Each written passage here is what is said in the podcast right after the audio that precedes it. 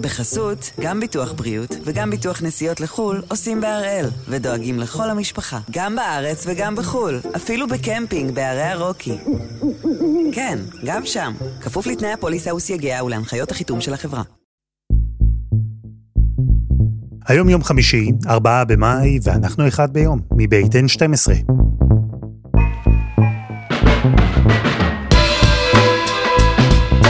אני אלעד שמחיוב, ואנחנו כאן כדי להבין טוב יותר מה קורה סביבנו, סיפור אחד ביום, בכל יום.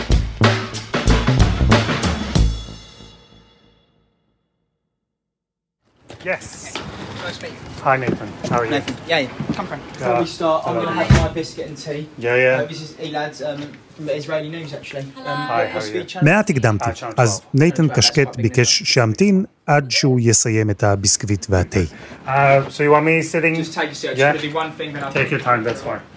המתנתי. כי אני כבר מספיק מנוסה לדעת שלא מפרידים ג'נטלמן בריטי מכוס התה שלו. So this is the very beginning of production, and this is where every single uniform starts. So after the individual's been measured ואז התחלנו. tailors, ערך לי סיור במפעל קשקט ושותפים. הרעש שאתם שומעים ברקע הוא של עשרות מכונות תפירה שעובדות יחד במקביל. בכל זאת, אין עוד המון זמן. ביום שבת הקרוב הכל חייב להיות מוכן. אלפי מדים טקסיים, מאותרים לחיילים, ובעיקר ברית לבוש מיוחד אחד, שילבש אדם מיוחד אחד. Um, um, yeah, you you have to wait and see for the big day on Saturday. Yeah, something special? He's always wearing something special. A very uh, a very stylish man. Yeah.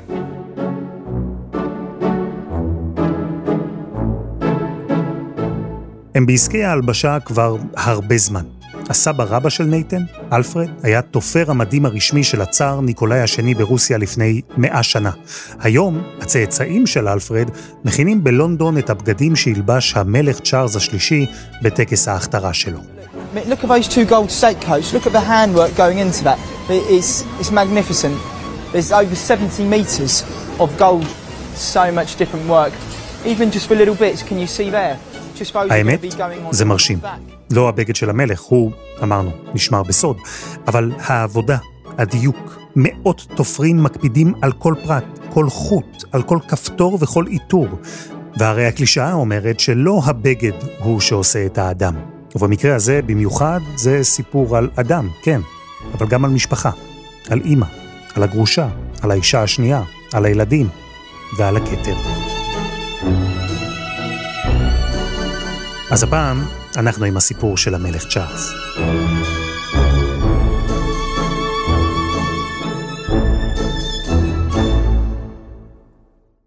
I mean, I only started covering them by mistake, really. I, I never set out to be a, a royal correspondent. רוברט הרדמן הוא היום אחד המומחים הגדולים בעולם למשפחת המלוכה. הוא מחבר של כמה רבי מכר, האחרון נקרא Queen of Our Times. הוא יצר כמה סרטים דוקומנטריים, חלקם בהשתתפות בני המלוכה. יש לו פודקאסט משלו, Tea at the Palace. אבל כל זה קרה לו די במקרה. I was a general news reporter uh, for the Daily Telegraph newspaper in the 90s. And one day I got sent on a story to the Alps to write about skiing. And I ended up covering a royal skiing holiday. And then one thing led to another. And when I got back, they kept sending me on more and more royal stories. And suddenly we were in the uh, what, what the Queen called her Annus Horribilis that year when everything went wrong for the royal family. הוא היה עיתונאי בעיתון רציני, ככה הוא מגדיר את זה, עיתון שפחות עסק בענייני המלוכה שאז עוד נתפסו כרכילות. אלא שבשנות ה-90 הדבר הזה השתנה, העולם השתנה, ומשפחת המלוכה מצאה את עצמה בחזית. that was a time when there was a lot happening in the world. The, the Berlin Wall had come down, and suddenly the Queen was going on all these trips, as was Prince Charles and Diana. Uh, they were going on all these visits to all these countries that they'd never been to before because there was a that the map of the world was changing. חומת ברלין נפלה, ומי היו הראשונים לנסוע למדינות שעד אז היו סגורות בפני המערב? בני משפחת המלוכה הבכירים. ומי נסע וליווה אותם? כתבי משפחת המלוכה. I mean, I remember going to Prince Charles on the first royal royal tour of Ukraine, for example, back in the days when Ukraine was uh, was very different to what it is now, and going to places I, you just never normally go to, Kyrgyzstan, Turkmenistan, these sort of places. כן, זו הייתה תקופה מוזרה, ורוברט הוא הראשון שיעיד. להיות עיתונאי של בית המלוכה זה ג'וב מוזר, כי יום אחד הוא מצא את עצמו מסקר שמלה שלבשה דיאנה, או כובע שהתעופף ברוח מראשה של איזו דוכסית. אבל למחרת הוא היה על ספינה, עם המלכה, ונלסון מנדלה נופף להם לשלום על החוף. true story. ובנסיעות האלה, במקומות האלה, המיוחדים, הלא צפויים, רוברט למד להכיר את מי שהיה אז הדור הבא, יורש העצר, האיש שמחכה בסבלנות לתורו. The pictures the whole world has waited for. A first look at Britain's month-old royal prince, Charles of Edinburgh. לא היה לו, לתינוק צ'ארלס, הרבה זמן להתרגל להיות המקום השני בתור, כי כשהיה בן שלוש, סבא שלו הלך לעולמו. ואימא שלו, בסך הכל בת 25, הפכה למלכה. יותר משנה אחר כך נערך טקס ההכתרה שלה. Leaving her home on what must surely be the greatest day of her life, Queen Elizabeth drives to her coronation. I can just remember the actual coronation. I remember my mother coming up when we were being bathed as children, wearing the crown. It's incredibly heavy. That's why my mother had to practice so much wearing it. הכתרה היא אירוע משמח, זה אירוע גדול, ולכן נהוג לחכות ולערוך את האירוע הזה כמה חודשים אחרי שהמלך או המלכה מקבלים את התפקיד. הרי אם יש מלך חדש, זה אומר שאימא שלו מתה, ומתוך כבוד לה ולאבל המשפחתי, מחכים עם ההכתרה. וכך צ'ארלס, בשלב הזה כבר בן ארבע, זוכר את אימא שלו מתכוננת להכתרה שלה, הוא זוכר עד כמה הכתר שלה היה כבד, איך היא התאמנה לחבוש אותו. בטקס עצמו היא נראתה מאוד לחוצה, לא היה לה נוח, ואפשר להבין אותה. והוא, צ'ארלס, נראה משועמם. ישב למעלה עם סבתא שלו ועם הדודה שלו, השעין את הלחי על היד, כמו שילדים משועממים עושים. האמת, אפשר להבין גם אותו. And I do have you know, very happy memories of, of childhood. But my mama inevitably, you know, was so busy having to do all the tours abroad. I remember when I was quite young trying to talk on the telephone uh, when she was miles away. עד היום יש מחלוקת בין ההיסטוריונים ומומחי בית המלוכה, אם לצ'ארלס הייתה ילדות שמחה או לא. הוא, צ'ארלס, טוען שכן, שמעתם, למרות שהוא גם אומר שזוכר את ההורים שלו המון בחו"ל. צ'ארלס היה קרוב מאוד לסבתא שלו, המלכה האם, ולדוד שלו, הלורד מאונט בטן. שניהם עיצבו את חייו. על דבר אחד כולם מסכימים. צ'ארלס, בין אם היה ילד מאושר או לא, הפך לאומלל כשנשלח לבית הספר גורדונסטאון בסקוטלנד, בית ספר שאבא שלו, פיליפ, למד בו, בית ספר שלדברי פיליפ, חישל אותו. Gordonstoun is the royal choice, the school in northeastern Scotland to which the Duke of Edinburgh went himself. צ'ארלס אהב אומנות, הוא רצה להיות שחקן, או אולי סוג של קומיקאי. יש סרטונים שלו כשהיה צעיר באיזו הצגה שערך באוניברסיטה.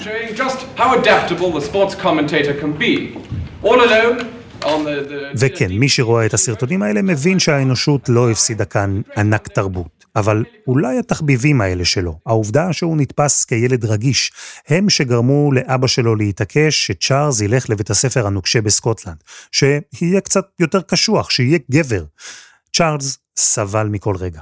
התעמרו בו שם, הציקו לו, אפילו הרביצו לו. ומאז, ויש מי שאומר שבעצם כל חייו, צ'ארלס ניסה לרצות את אבא שלו, להוכיח לו שטעה לגביו אז, ושאולי המשיך לטעות לגביו גם אחר כך. A certain time in the services would be a very good idea. I think it gives one a, a very useful experience, very useful experience of responsibility and discipline. I think responsibility is the, the most important thing, is the actual trust that's put in you to deal with other people, and the feeling that they can perhaps put their trust in you as well. צ'ארלס התגייס לצבא. הוא עבר הכשרה בחיל האוויר, אחר כך גם בצי הימי. הוא התחיל לשאת תפקיד ציבורי מרכזי יותר, הוא ייצג את המלכה בנסיעות בעולם, וקיבל ממנה בשלב הזה גם את התואר שילווה אותו רוב חייו. I, Charles, Prince of Wales, do become your liege man of life and limb, and of earthly worship. אם נהיה כנים, זה אולי לא נראה ככה היום, אבל בתקופה ההיא, צ'ארלס היה אחד הרווקים הנחשקים ביותר בעולם. דיווחו על רומנים סוערים בינו לבין דוגמניות ושחקניות, בנות אצולה מבריטניה או מארצות הברית. הנשיא ניקסון ניסה מאוד לשדך לצ'ארלס את הבת שלו. But I remember the first time was we were invited to stay, my sister and I, in 1970 at the White House by President Nixon. That was the time when they were trying to marry me off to Trisha Nixon.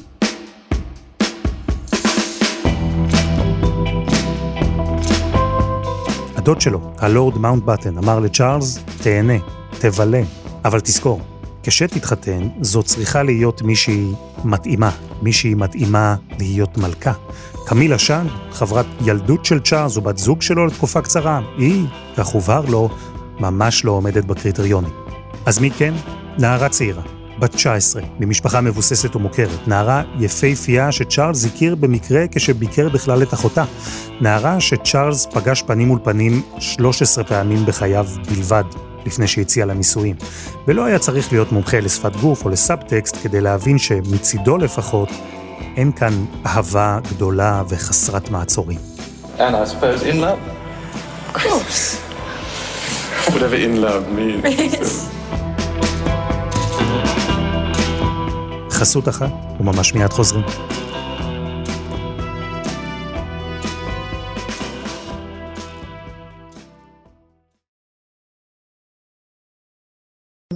בחסות, גם ביטוח בריאות וגם ביטוח נסיעות לחו"ל עושים בהראל, ודואגים לכל המשפחה, גם בארץ וגם בחו"ל, אפילו בקמפינג בערי הרוקי. כן, גם שם, כפוף לתנאי הפוליסה וסייגיה ולהנחיות החיתום של החברה.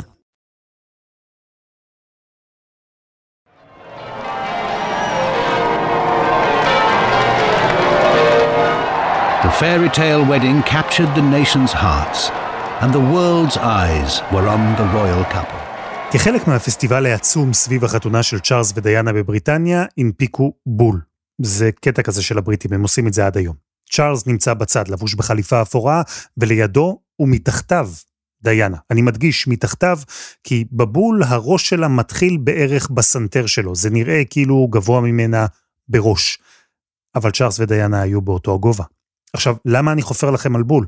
כי הוא מסמל טענה שעלתה אז ועלתה מאז, שצ'ארלס נרתע מהפופולריות של דיאנה, שהוא הרגיש שהיא מאפילה עליו, גונבת לו את הפוקוס, ואולי זה רק מקרי ואולי אין מה לנתח תופעות פסיכולוגיות בבול, אבל כך או כך, הסוף ידוע. Well, there were three of us in this marriage, so it was a bit crowded. קמילה שאנד, עכשיו כבר קמילה פארקר בולס, חזרה לתמונה. היא השלישית שדיאנה דיברה עליה. צ'ארלס, אגב, הכחיש טענות לרומן בזמן הנישואים. Did you try to be faithful and honourable to your wife when you took on the vow of marriage? Yes, absolutely. And you were? Yes. Until it became irretrievably broken down. ובתום מלחמה מכוערת עם הדלפות, ציטוטים והאשמות, הגיעה הפרידה. It is announced from Buckingham Palace that with regret, the Prince and Princess of Wales have decided to separate. Their Royal Highnesses have no plans to divorce. אחר כך התפוצצה גם פרשת טמפון גייט, שיחה בעלת אופי מיני בין צ'ארלס לקמילה, שאזרח חובב מכשירי קשר מתקדמים במקרה קלט, הקליט ומכר לעיתון. דיאנה נתפסה כקורבן, צ'ארלס כאשם, קמילה, כמרשעת, והתחושות האלה רק הלכו והתעצמו אחרי הגירושים, ובמיוחד אחרי שדיאנה נהרגה. We have a flash here uh, saying that Diana, Princess of Wales, has died in a car crash in Paris. Six Royal Air Force pallbearers had borne her coffin on the final journey home. אי אפשר לטעון שצ'ארלס היה אהוד ופופולרי לפני שהנישואים שלו עם דיאנה התפרקו, אבל זה היה קו פרשת המים. בכל זאת, הוא כן עשה הרבה דברים טובים. הוא הקים את קרן הנסיך, The Princess Trust. היא עזרה לרבבות צעירים מעוטי יכולת. צ'ארלס הקים עוד ארגוני צדקה, הוא היה פטרון של מאות. הוא נלחם למען איכות הסביבה ודיבר על משבר האקלים כשמעטים בעולם ידעו בכלל מה זה. אבל כל הדברים האלה לא באמת נזקפו לזכותו. הכל כאילו נשכח אחרי המוות של דיאנה, ובמיוחד אחרי שהחליט להפוך את היחסים עם קמילה לרשמיים והתחתן איתה.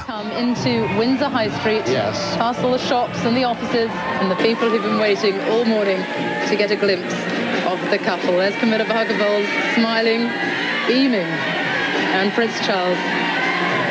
And here they are, nearing the Guildhall, where they will stop and climb out, probably wave to the crowd before they go in for their civil ceremony. The band behind us has just stopped, as you can probably hear, and the cheers start. They waited 33 years for this.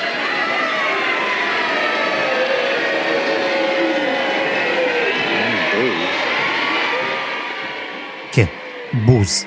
הקהל שעמד בחוץ כשצ'ארלס וקמילה התחתנו, צעק להם בוז.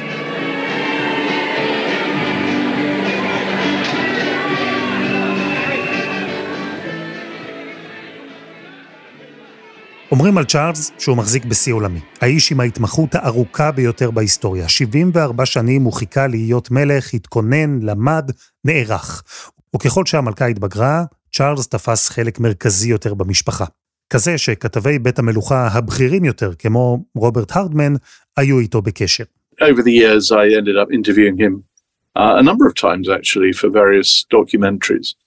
Um, and I made a film with him for his 60th birthday, so I ended up uh, spending a day with him going around his garden at his home, Highgrove, which he loves. רוברט חזר והדגיש שצ'ארלס מטורף על הטבע, על הגינות שהוא בעצמו עיצב באחוזת הייגרוב. הוא חולם על צמחים בלילה, כך הוא סיפר.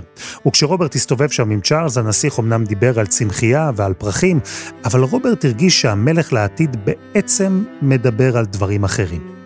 It's not just about gardening, you're getting a lot of insights into the man himself. I think I was saying to him, well, uh, you know, who's going to take all this on after you? And and he, I remember him sort of saying, well, you know, I don't know, but um, you know, young people tend to take an interest in this sort of thing when they're older. היה לו זמן, לצ'ארלס, להשקיע בגינה שלו, לחשוב על מי יחליף אותו ביום מן הימים, איך ייראה מוסד המלוכה אחריו. היה לו הרבה זמן לעצב את התפיסה שלו לגבי התפקיד, לגבי המוסד, לגבי האופן שבו הוא יעצב את העתיד של הכתר ושל משפחת המלוכה. יש איזו תפיסה כזו היום שצ'ארלס כבר היה להוט להתחיל, אפילו טענה שבשלב מסוים הוא ניסה לדחוק את אימא שלו הצידה ולהחליף אותה. רוברט אומר שזה קשקוש. I mean, there was this there was this sort of bogus idea that you see in things like The Crown, which is complete rubbish.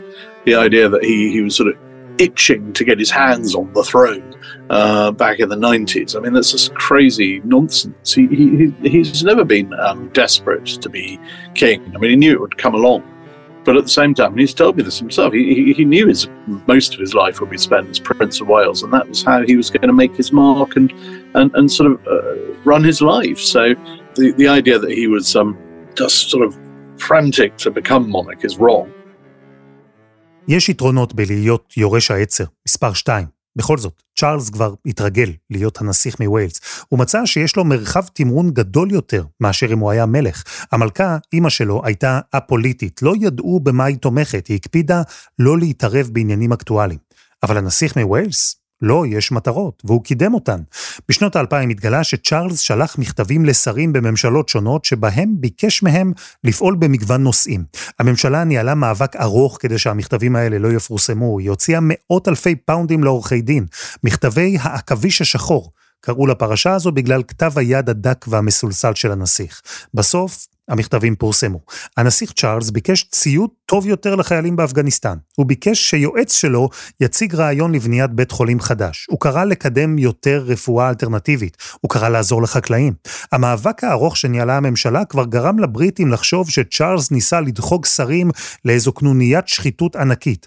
בסוף, כשהתפרסמו המכתבים, רבים מהבריטים דווקא תמכו במאמצים של הנסיך, ותמכו בו.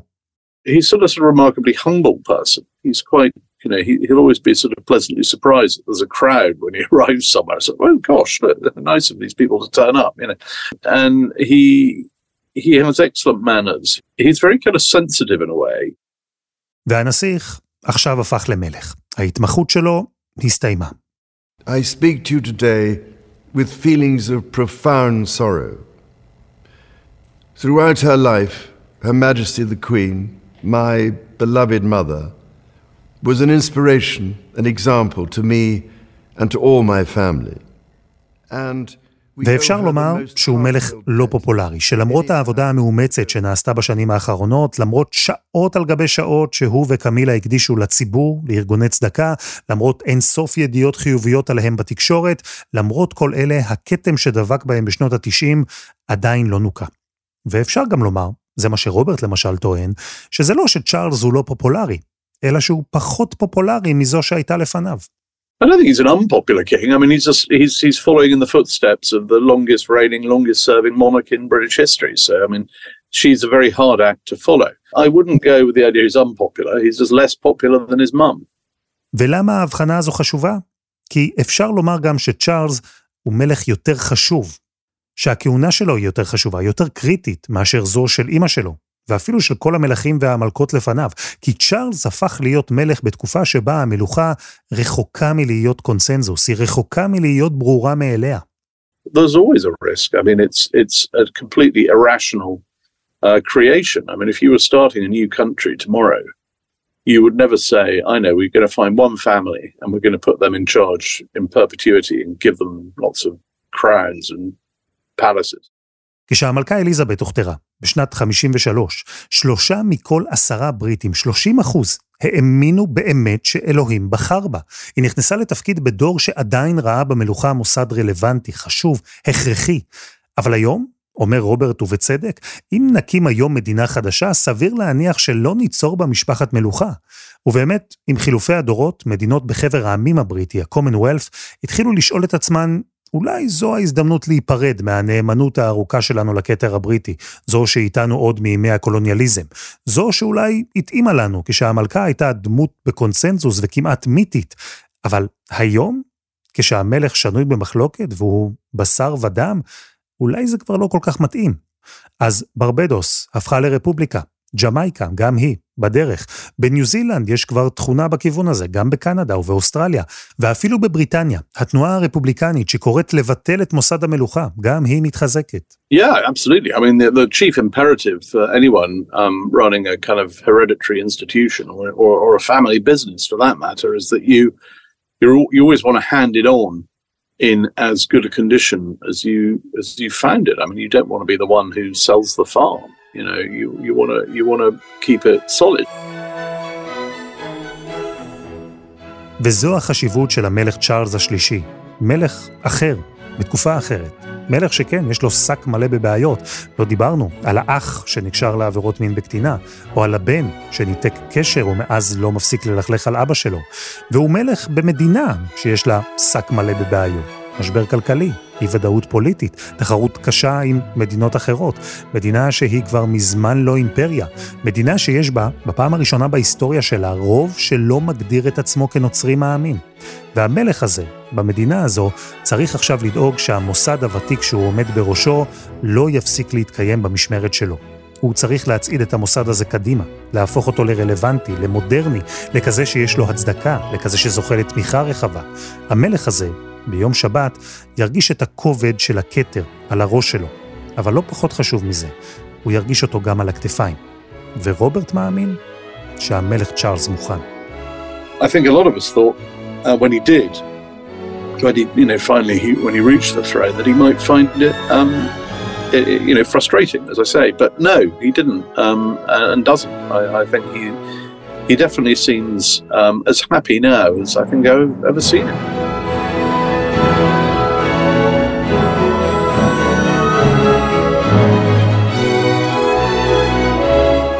וזה היה אחד ביום, של N12. אנחנו מחכים לכם בקבוצה שלנו בפייסבוק, חפשו אחד ביום, הפודקאסט היום. העורך שלנו הוא רום אטיק, תחקיר והפקה, עדי חצרוני, רוני ארני ודני נודלמן. על הסאונד, דור קומט, יאיר בשן יצר את מוזיקת הפתיחה שלנו, אני אלעד שמחיוף, נטלי שם טוב, תהיה כאן ביום ראשון.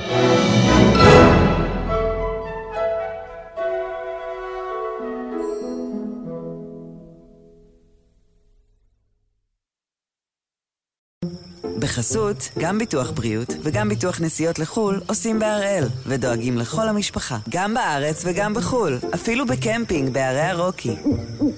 כן, גם שם, כפוף לתנאי הפוליסה וסייגיה ולהנחיות החיתום של החברה.